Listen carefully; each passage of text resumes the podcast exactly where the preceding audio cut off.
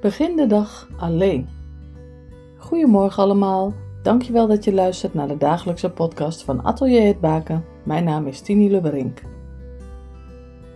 Alleen zijn. Alleen op dingen afstappen. Alleen voor de opvoeding staan.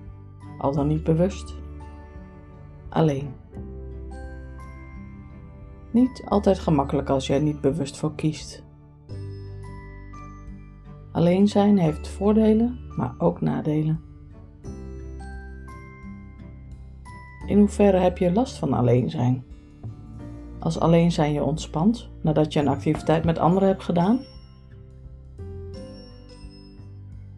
Of met z'n allen in een huis woont? Mijn ervaring leert me dat het alleen zijn, maar even terugtrekken een levensbehoefte van mij is. Stille tijd die ik doorbreng in mijn werkkamer of buiten in de natuur, schrijvend, in gebed of luisterend naar muziek. Het is naast eten en drinken een levensbehoefte voor me geworden. Nodig en goed om te kunnen blijven functioneren. Herken je dit? Alleen zijn, maar niet eenzaam en alleen.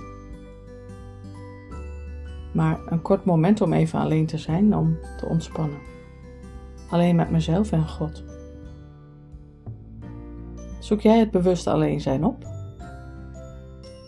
Zoek jij de stilte op?